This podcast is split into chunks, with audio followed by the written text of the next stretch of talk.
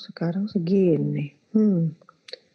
Berapa tuh ya tomat? Tomat busuk. Nah, itu Eh, mahal di, di, juga. Eh, di, ah, ah, ah, kenapa, kenapa, di? kenapa? Oh, eh, Mbak Yu, ya belanja dong, masa ke supermarket gua Oh, leye-leye. Ya iya, lu belanja cari dong, cuy. cari cabai keriting. Cabai itu langsung yang rawit, biar bisa langsung jos pedes. Ngapain yang keriting, keriting segala? Eh, aku suka yang bertekstur gitu, Mbak. Hmm, gitu. Oh, eh, di, di, di, lu kan Apa-apa? jago ya. Gue pengen Jago nanya nih, suamiku biasa, suamiku itu lo suka nanya-nanya sama aku. Nah, Oh, terus terus. kan aku bingung ya. Nah, si suamiku ini punya adik ya. Adik Mm-mm. ini punya temen. Nah, temennya Mm-mm. itu loh, punya Aduh, ponakan. perasaan gue kagak enak ya. Kayaknya panjang banget nih. Terus terus terus. Ponakannya itu tinggal tinggal di desa. Desanya tuh oh, di. Malang gitu loh. Pokoknya desa Pujon apa gimana gitu ya. Nah, Mm-mm. dia itu udah lulus lulus kuliah, kuliah di Malang lah. Gue juga nggak tahu dia lulusan apa ya. Tapi dia tuh pengen Oke. ke Jakarta. Lalu tahu kan Jakarta itu kayak gini. Kan ada istilah Oh, siapa suruh datang Jakarta itu kan iya. berarti kan. Jakarta itu susah ya. Lah aku dulu Iya. itu juga datang ke sini itu juga susah loh hidupku itu. Terus Oh, gimana ya enaknya? Aku mesti bilang apa ya sama suamiku ya, Di? bahwa ibu kota lebih kejam daripada ibu tiri. Tapi ibu tiri Nah, ya sekarang juga itu. baik-baik ya. Nah, ya itu. Tapi ada ibu tiri yang baik loh. Iya banyak gitu. Gini deh, eh tadi sih aku janjian mau belanja bareng sama apa ya namanya ya temennya ponakanku. Dia udah sering sih apa Hmm. namanya eh ya rumahnya dekat sini mukanya yuk kita belanja, janjian belanja bareng gitu karena dia suka masak jadi dia bisa Oh bis, gitu. aku bisa nanya-nanya bahan-bahan masakan gitu. Oh Kebetulan gitu. dia itu bisa dijadikan contoh orang yang Oh, berhasil siapa dari siapa siapa? daerah Kenalin kenalin. gitu. Iya nanti, oh bentar ya. Tadi sih aku udah lihat dia tuh tadi masuk. Bentar, bentar, bentar. Woi, Gong, Gong, sini Gong. Eh, Mbak Diana. Eh, Waduh, weekend-weekend udah belanja nih ya iya kan pagi-pagi kita ya. sama lu. Iya. Kita kan mau masak Iya, iya, iya, iya, bareng. betul. Oh Namanya juga anak ya, kos ya, ini Mbak. ya. Jadi Mm-mm. masak nih aku. Ini, Gong, nih kenalin temanku, Oh, Mbak eh, Yueli. Eh, Mbak Halo Mas Eli. Apa Iya, kabar, Mbak?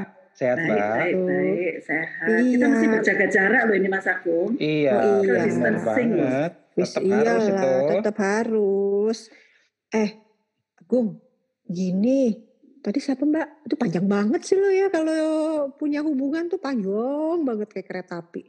Jadi Gung, ada Mm-mm. suaminya Mbak El ini punya ponakan, Adik, punya ponak, adik. punya adik, adiknya punya. Ya lu jelasin deh Mbak. Eh, suamiku tuh punya adik, adiknya tuh punya temen. Nah temennya itu punya ponakan loh Mas Agung. Oke. Dia tuh tinggal di desa. Dia tuh pengen ke Iya. Jakarta. Aku mesti Iya. ngomong apa? Kan Jakarta susah ya Mas. Nah, Hmm. aku kata Gitu. Diana suruh nanya Mas Agung, sarannya Iya, baiknya iya, gimana ya? iya. Iya kan Gung kan dia Mm-mm. udah udah kamu kan udah udah selain pinter masak nih, kamu kan udah terbukti loh sebagai putra daerah yang bisa menaklukkan Jakarta gitu. Bekerja di Gitu bekerjanya ya. di itu loh, Aduh. perusahaan bukan perusahaan lokal pula, sudah sudah Mm. perusahaan asing. Kan hebat ya Mbak ya. Oh. Gitu. Iya, iya. Mungkin Gitu bisa ya, Mbak. kasih Mm-mm. tips and trip buat si siapa Mbak? Si itulah ya. Ya Itu gimana Mm-mm. caranya gitu. Oh, oke, gitu ya, Mbak. Hmm, Ya, mm-mm. ya Jadi sih apa sih kalau yang paling penting gitu? Hmm, eh, pertama sih kalau aku rasa ya dulu pertama kali datang ke Jakarta itu saya tuh sebenarnya baru juga kok dari 2014 gitu ya nggak terlalu lama sebenarnya gitu. Dan eh, untuk pindah ke Jakartanya sebenarnya udah ditawarin dari 2010 gitu tetapi sama lah orang daerah itu pasti punya kayak saya lah kadang-kadang eh, tidak terlalu percaya diri gitu ya, terlalu banyak pertimbangan seperti itu gitu. Jadi sayanya itu lebih ke mikir, kadang-kadang mikir orang tua gitu. Kebetulan keluarga kan memang di Jawa Tengah ya, di Semarang gitu. Jadi itu saya kayak mulur-mulurin waktu gitu ya, waktu itu. Nah, terus kemudian di tahun 2013 itu karena ada project gitu saya harus bantuin lah ke Jakarta gitu. Dan akhirnya saya kadang-kadang ada uh, attachment sementara lah di Jakarta balik ke Semarang lagi gitu-gitulah ya. Nah akhirnya job yang tadi sementara itu berubah menjadi sementahun gitu ya akhirnya sampai sekarang. Begitu. Jadi uh, tetapi menurut saya sebenarnya apa yang harus kita lakukan pertama kali adalah kita mau percaya diri dulu deh uh, Mbak Diana Mbak Eli gitu ya hmm. karena kalau kita sebagai kultur orang-orang Jawa itu kayaknya lebih kurang percaya diri menurut saya ya agak agak agak lebih yang uh, beda kalau kita membandingkan dengan orang-orang misalnya dari Sumatera atau dari Sulawesi gitu yang memang mereka backgroundnya berani gitu ya untuk pindah atau bermigrasi ke beberapa tempat langsung gitu kan ya culture-nya. Kalau Jawa itu kayaknya kumpul sama keluarga kayaknya itu sudah yang bagus gitu gitu. Jadi, Jadi mangan orang mangan yang penting ngumpul tuh. Iya, seperti itu gitu. Jadi mungkin menurut saya pertama harus percaya diri ya. Karena kalau nggak percaya diri juga susah ya gitu. Nah percaya diri itu tentunya tidak cuma percaya diri sih kalau saya pikir Mbak nanti buat uh, ponakannya itu tentunya banyak sekali kok yang bisa dipelajari di Jakarta. Saya bukan mempromosikan semua orang bu, harus ke Jakarta bukan ya. Cuman uh, ternyata memang benar banyak sekali hal yang bisa dipelajari di Jakarta. Bukan hanya kita semata mencari materi di Jakarta bukan sih, tapi banyak pelajaran. Terutama belajar tentang orang-orang sih karena menurut saya Jakarta adalah Indonesia. Banyak sekali semua ada. Jadi Sabang sampai Merauke semuanya ada di Jakarta sih. Jadi kita belajar banyak di situ gitu Mbak. Nah kalau kita mau belajar banyak ya pastilah kita bisa ini Mbak bisa ngejar apa yang kita nggak dapet di Jawa Tengah di Semarang gitu. Oh, gitu sih Mbak. Oke. Okay. Hmm. Nah kalau misalnya hmm. untuk percaya diri itu ngebangun, tadi kan bilangnya kan ngebangun kepercayaan dirinya itu. Betul. Eh, paling nomor satu tuh percaya diri. Cuma kan ya. cara bisa ngebangunnya gimana? Kalau misal dari pengalamannya Agung waktu itu dari yang nggak pede terus bisa jadi pede, apa sih yang membuat hmm. jadi pedenya itu? Iya betul. Jadi sebenarnya saya juga orang yang sebenarnya nggak terlalu pede uh, pada dasarnya ya, Mbak. Uh, ketika saya masuk berarti pertama-tama sih saya untungnya culture Jawa dan uh, dan background dari keluarga saya itu kayaknya membuat saya itu terbiasa menyapa orang gitu. Saya tuh memang terbiasa menyapa orang bukan so akrab gitu ya. Tapi uh, saya biasa menyapa orang gitu. Itu membuat saya lebih mudah untuk masuk ke dalam suatu lingkungan sih seperti itu. Jadi ya saya tidak tanggung-tanggung untuk nyapa teman-teman di Jakarta. Dan saya tahu ya, apalagi teman-teman di Jakarta pasti mereka punya pride gitu ya bahwa bahwa mereka tinggalnya di ibu kota gitu. Nah, dengan cara saya masuk ke dalam menyapa mereka, mereka juga welcome ya, jadi warm gitu, warm welcome gitu ya. Jadi uh, enak sih ngobrol gitu sama mereka gitu. Dan sebenarnya itu ditambah dengan mungkin kita semua pasti bisa ya sekarang ini harus kalau kalau pepatah mengatakan di mana tanah dipijak di situ langit dijunjung gitu kan ya. Nah, di mana tanah dipijak, bumi dipijak, di sana langit dijunjung. Nah, artinya kita juga nggak bisa lah sebagai anak daerah kita langsung uh, seperti uh, ya ada istilahnya ada uh, uh, lah ya sama teman-teman di Jakarta menurut saya loh ya karena saya akhirnya bisa masuk ke komunitas-komunitas bisa ketemu banyak orang gitu dan uh, sebenarnya saya mengawali di Jakarta juga saya ngekos dulu itu waktu itu ya saya ngekos saya pun tiba-tiba uh, cukup drastis karena saya di kota Semarang Mbak Eli sama Mbak Diana tahu dong kota Semarang itu indeks biaya hidupnya sangat rendah loh kecil loh gitu ya, kota sebelahnya uh, kota sebelahnya aja si Salatiga itu waktu itu menempati uh, eh, UMK yang cukup rendah di Indonesia kan hmm, gitu. Jadi okay, okay. lumayan mm -mm. Dan ternyata saya ketika pindah di Jakarta saya langsung pindahnya ke Kuningan, Mbak, ke Setiabudi, Mega Kuningan gitu. Udah langsung dan, daerah bisnis ya. Betul. Dan itu hmm. membuat sebenarnya saya cukup agak kaget juga gitu ya, Mbak, karena saya kos itu langsung satu bulan itu pada waktu itu ya Mbak 2013 3 juta saya kaget juga, wow. Wah, di Semarang di bisa Semarang, ngapain tuh gitu ya? Iya, di Semarang itu satu juta itu udah kos eksklusif, udah AC, udah ada kulkas juga gitu. Tapi di Jakarta di Setiabudi sekitar segitu dan itu sebenarnya ya nggak besar-besar amat kosnya. Ya cuman ada beberapa fasilitasnya yang saya bisa mendukung saya kerja lah seperti internet gitu. Nah parkiran mobil juga masih di charge lagi gitu. Untung saya bukan orang yang punya Hmm. mobil. Jadi, waduh semuanya serba uang ya kalau di Jakarta seperti itu gitu. Tapi ya begitulah. Dengan dari situ saya juga belajar untuk tadi Mbak supaya pede saya ajakin mereka ngomong pekerja di mana sih gitu.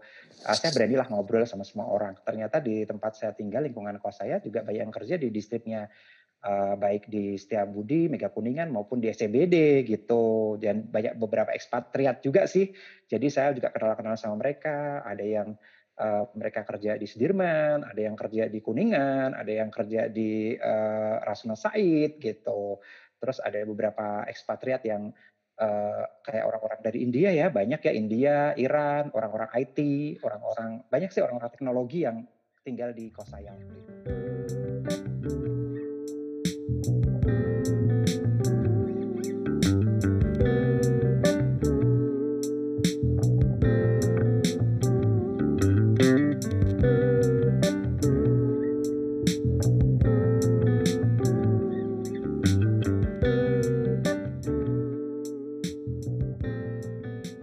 tadi harus pede sebenarnya kan. Jadi Mm-mm. pede tadi aku udah ceritain lah ya, udah mesti kenalan, mesti berani segala Betul. macam. Tapi sebenarnya eh, apa sih yang ditakutkan ketika mendengar kata Jakarta gitu kok?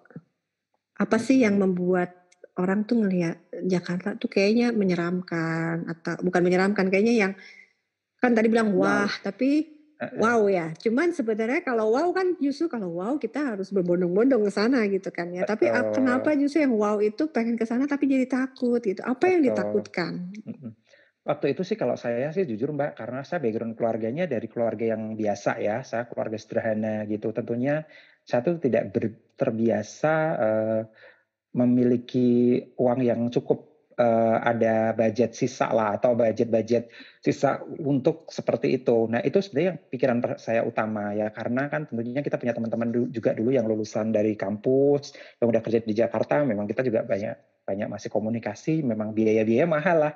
Paling saya yang takutkan itu sih Mbak, karena sebenarnya saya sendiri, saya tidak takut dengan berita-berita aneh tentang Jakarta. Contoh kriminal di Jakarta lah, kegiatan apalah di Jakarta, saya tidak peduli. Karena menurut saya, eh, eh, apa namanya, itu tergantung dari kita. Eh, kita bisa jaga diri, kita bisa eh, mengikuti apa segala sesuatunya. Jadi eh, ketika saya masuk ke Jakarta, saya datang, itu yang saya takutkan memang sebenarnya cuma eh, masalah ter- terkait sama biaya aja Mbak, Eh, terkait sama eh, budget saya gitu. Tetapi kalau Biaya hidup ya Mas Eh, ya. eh, eh, biaya hidup, eh, eh, biaya hidup Mbak Mbak Eli. Mm, Karena kalau ternyata saya akhirnya ke sana, saya saya pengalaman loh dan saya suka banget ketika saya naik angkot pertama kali di Jakarta. Oke, saya naik angkot nomor 44. Aduh, begitu menyenangkan. Gitu Oh, kan. empat-empat sekarang udah berasa ya?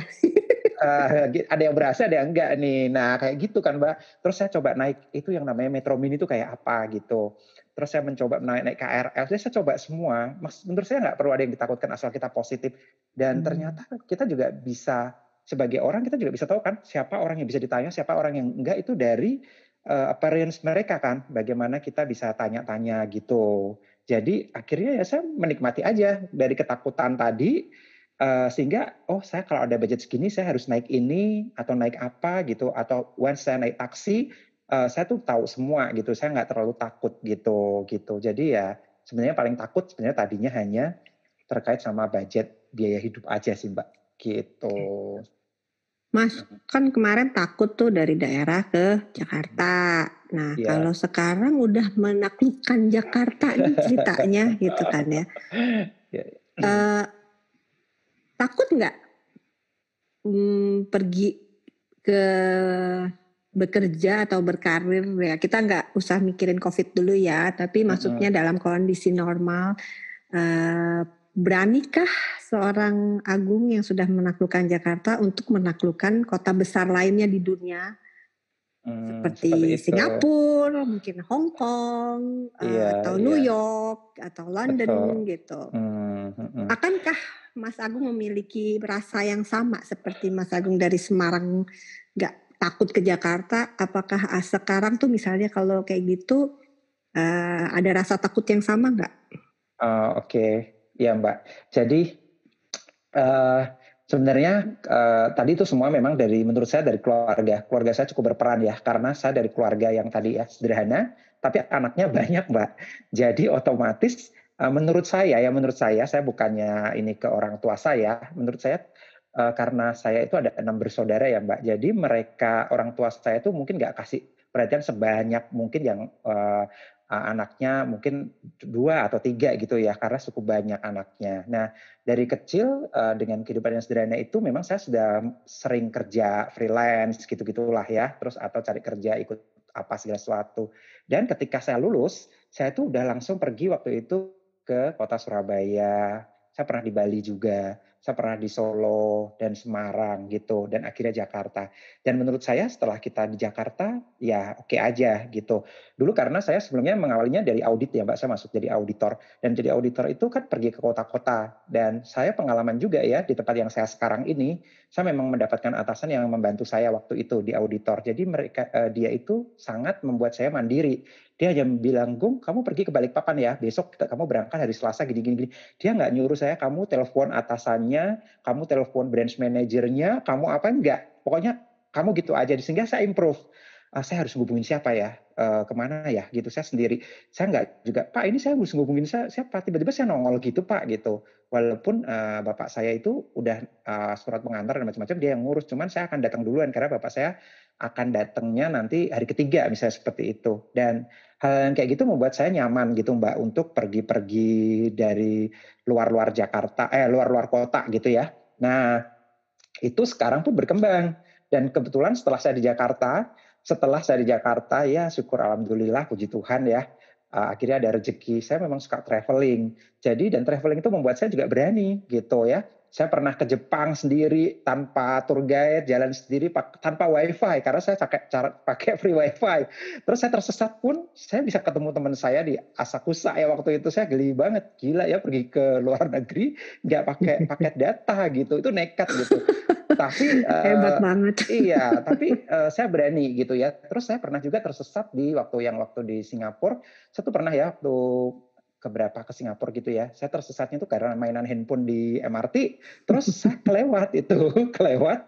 Terus, waduh ini harus ke mana gitu karena hmm. teman-teman saya ternyata uh, sudah nunggu di mana gitu. Tapi saya bilang aja ke mereka, kalian tunggu di sana ya, nanti saya akan cari tempatnya. Nah, menurut saya sebenarnya uh, itu dari kembali ke pertanyaan Mbak Diana, Uh, semua kalau kita mau taklukin kota-kota lain, menurut saya tergantung kita ya. Kalau menurut saya, saya cukup berani ya, nggak nggak saya nggak nggak terlalu takut sih untuk ternyata nanti misalnya ke region, misalnya seperti itu ya. Tapi tentunya saya harus lebih memperbekali diri saya ya, karena kan kalau kita udah naik lagi mbak dari nasional ke region, pasti kan tuntutannya lebih hmm, itu ya tinggi iyalah, ya. Saya pasti iya. harus membekali diri lagi ya. Iya. Minimal uh, bahasa Inggris kan mesti cascis cus benar. Ya. benar sekali gitu mbak.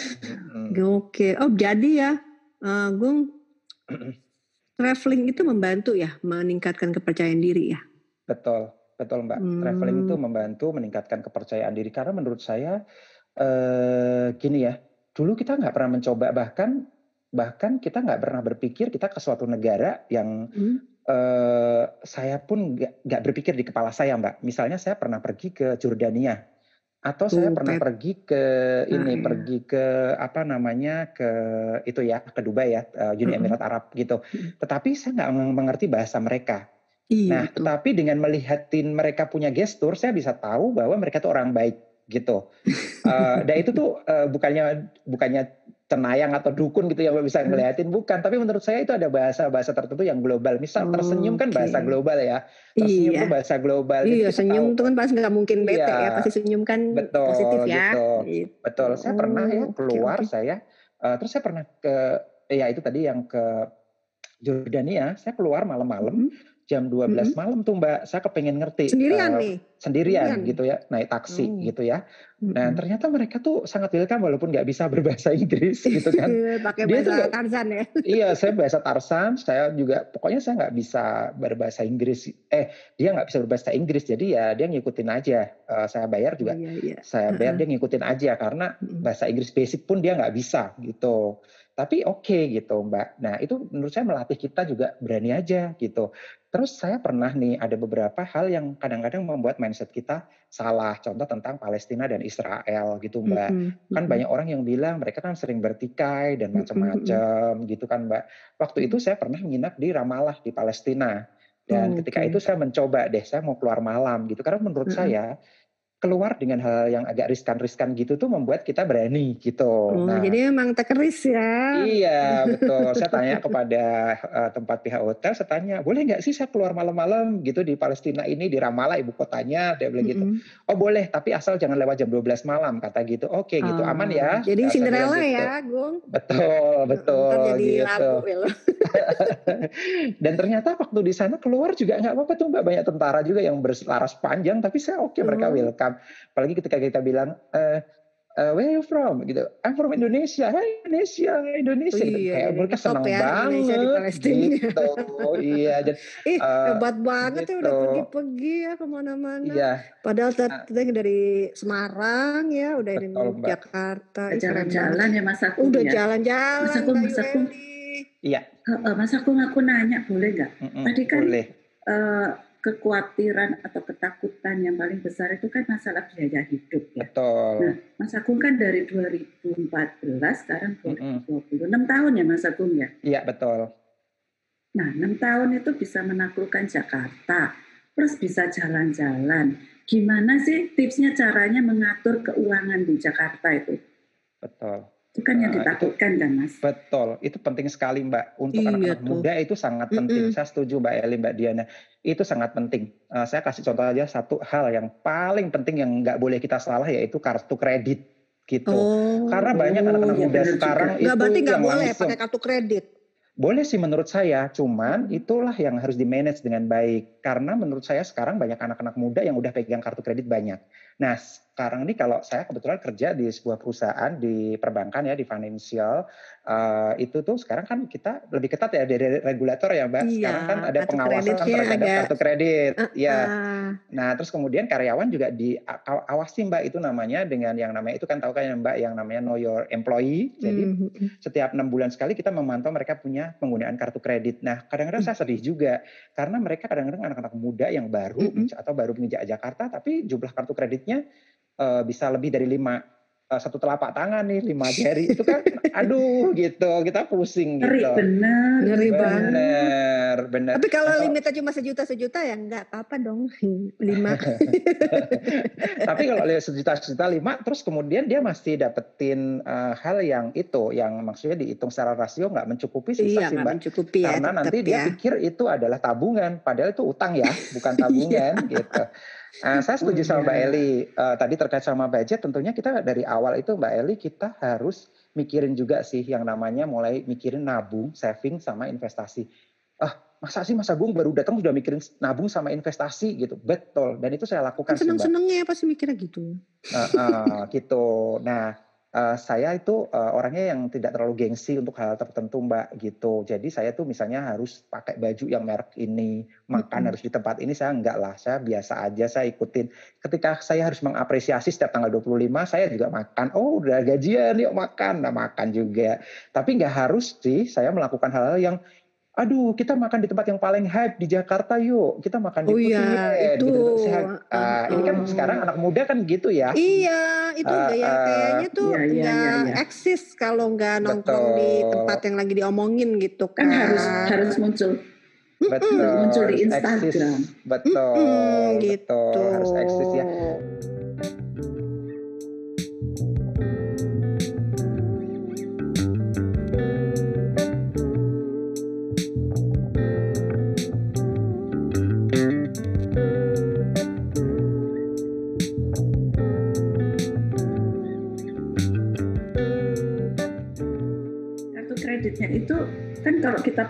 Maksudnya kita nggak boleh punya atau gimana sih? Maksudnya kita harus bayar lunas tiap bulan atau gimana sih caranya mengelola kartu kredit? Betul Mbak, Eee, saya katakan kartu kredit itu bukannya nggak boleh, kalau menurut saya ya, eee, karena saya juga dari perbankan. Menurut saya kita bisa kok pakai, asal kita pakainya dengan bijak sih, gitu Mbak. Karena menurut saya Oh. ada juga manfaat dari kartu kredit. Nah, satu misalnya untuk hal yang kecil kita memang harus bayar lunas. Tapi untuk hal tertentu memang kita bisa pakai angsuran, installment ya. Dan itu membantu sih kalau menurut saya karena sekarang juga kan banyak tuh project-project bundling ya dari misalnya kita mau beli gadget itu ada bundling bisa setahun 0 persen bunganya itu bisa persen, sih. Ya? Betul. Cuman kartu kredit itu jangan sampai kita itu pakainya adalah yang seolah-olah merasa bahwa itu tabungan kita. Bukan, punya kartu kredit itu utang, bukan sumber uang lagi loh gitu. Itu yang mindset yang harus dibenerin sih. Kadang-kadang teman-teman, hmm. aduh kurang, ya udah aku pakai kartu kredit, salah gitu. Jadi harus benar-benar kartu kredit itu di manage demikian rupa gitu. Mm -mm. Jadi Tapi jangan sampai tinggi ya mm -mm, betul betul betul gitu. Saya ada manfaat kartu kredit kok. Saya saya jujur saya punya kartu kredit dan saya pakai. Apalagi kalau kita suka traveling, itu pasti butuh kartu kredit. Hmm. Misalnya eh, bank-bank tertentu, bank asing, itu pasti kartu kreditnya di luar negeri lebih dipercayakan. Seperti itu, dia langsung lebih lebih enak gitu ya kalau kita pakai uh, yang World Bank gitu ya, seperti itu. Iya, kalau dicopet hmm. pun kan bisa langsung blokir ya. Kalau betul. bawa duit kan dicopet udah iya, hilang kan langsung. Betul. betul. Betul. Ya, ini kalau dikembalikan tadi memang harus mulai saving tadi Mbak sama investasi. Jadi tetaplah saya memang ya, ya. saya termasuk orang yang disiplin. Ketika saya ke Jakarta lagi, saya juga nggak harus uh, karena tadi saya berpikir biayanya tinggi, saya nggak harus loh semua saya korbankan untuk berbiaya tinggi itu. Jadi saya tetap pakai rasio dong berapa yang harus di saving, berapa yang harus diinvestasi dan berapa yang harus kita pakai untuk senang gitu. Jadi financial planning kunci iya, ya. betul, hmm. betul gitu. Tuh, Mbak Yu. Hmm. Jadi kalau boleh disimpulkan nih ya, Bung, hmm. sebelum ntar kita mulai apa uh, masak nih ya, eh mulai iya. masak deh, bayar ke kasir dulu nih. Hmm. Itu berarti Mbak Yueli buat si adiknya Itulah, siapa itu ya ponakan ponakan uh, ya itu yang ya panjang berentet itu supaya dia bisa menaklukkan Jakarta kayak tadi kata-katanya Agung tuh mesti satu percaya diri ya kan yeah. percaya diri kemudian yeah, yeah. Kalau ketakutan masalah biaya hidup itu berarti mesti punya disiplin untuk saving sama investasi gitu ya. Oh. Yang ketiga itu juga traveling walaupun tipis-tipis, walaupun misalnya dari desa uh, satu ke desa sebelah deh dulu gitu ya sendirian, iya. itu membantu meningkatkan percaya diri, membantu oh. juga mengenali jenis-jenis orang sehingga ketika datang ke kota yang lebih besar lagi sudah tidak uh, takut ya, takut. udah nggak takut lagi, sudah sudah terbiasa gitu ya Mas Agung. Ada lagi nggak tadi itu? Ya ada lagi ya itu terus belajar Mbak tadi ya, ya terus belajar. belajar eh, berkolaborasi dengan semua komunitas yang ada karena iya, berarti kita nggak bisa ya. sendirian betul hmm, hmm, betul jadi pergaulan penting ya Betul. Gitu Mbak Yuel itu tipsnya. Betul. Dan satu, juga. Jangan lupa nyapain orang ya Mas Agung ya. Kenapa Mbak? Sorry. Jangan lupa nyapain orang ya Mas Agung benar, ya. Benar, benar. Satu lagi sama satu lagi Mbak. Kita harus tetap juga mau tetap bersyukur dan berbagi itu penting menurut iya, saya. Benar, benar. Ah, ah, karena kalau kita nggak pernah bersyukur kita kurang terus. Itu tadi gitu. ya kartu kredit jebol dong. Iya gitu. betul. Kita kita kurang bersyukur kita kurang terus dan terakhir berbagi. Kalau kita nunggu-nunggu kita punya duit kita nggak berbagi-bagi deh gitu. Tapi kalau kita berbagi Ih, dari banget. yang kecil mm-hmm. pasti duitnya ada terus rezekinya gitu. Ah, iya benar iya, banget tuh benar banget tuh. Jadi walaupun iya. ketakutan terhadap biaya hidup gitu kan dan harus harus nabung sama investasi bukan berarti kita harus pelit tuh. Benar sekali Mbak. Itu Mbak Yueli. Benar, iya, benar. Iya, iya, iya. Senang. Iya.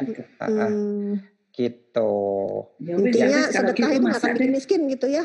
Benar Mbak, benar sekali. Uh, dan uh, lucunya adalah kalau saya kasih real ya, mungkin di IG saya bisa lihat ya, karena mungkin saya kadang-kadang suka bagi-bagi hal kecil lah ya, kue atau apa misalnya. Sekarang beberapa produk tuh suka endorse sih, gitu. Menurut saya lucu juga. Udah jadi endorser, oh, gile, saya kaget juga. Banget. Iya, saya agak kaget aja, Mbak. Loh, kok bisa ya? Gitu. Jadi ya, ya itulah. Mungkin kalau kita mau berbagi, pasti Tuhan yang di atas ya? pasti akan kasih jalan juga, gitu. Iya. Mm-mm. Keren, kayak keren, kita keren, nih sekarang nih kayak mm, Agung berbagi cerita ini kan juga berbagi ya menguatkan orang-orang yang mungkin ingin ber apa uh, maju seperti itu bagaimana caranya berbagi ilmu lah berbagi tips gitu Iya, Oke, ya wes, Gitu. Mbak Yueli katanya tadi dia mau ngapain, Mbak? Iya, Aduh, cabai keritingnya habis lah diborong sama si ibu Ya. itu. Duh, gimana nih? Paksa pakai cabai rawit nih, nih, Mbak. iya, iya, iya. Jos itu, jos. Cabai rawit. Ya wes Mas Agung, aku mau belanja Ya. dulu ya. Iya, Sebelum sama. ikan asinnya habis kalau kayak gini. Oke. Iya, nih. Iya. Oke deh. Ya, Sampai makasih ya, makasih ya. ya. Makasih Ya, Di. makasih Mbak Eli, Yo. eh, Mbak Diana. Yo. Sampai ketemu lagi ya. Ayo happy Ya. weekend loh ya semuanya ya. Sehat terus.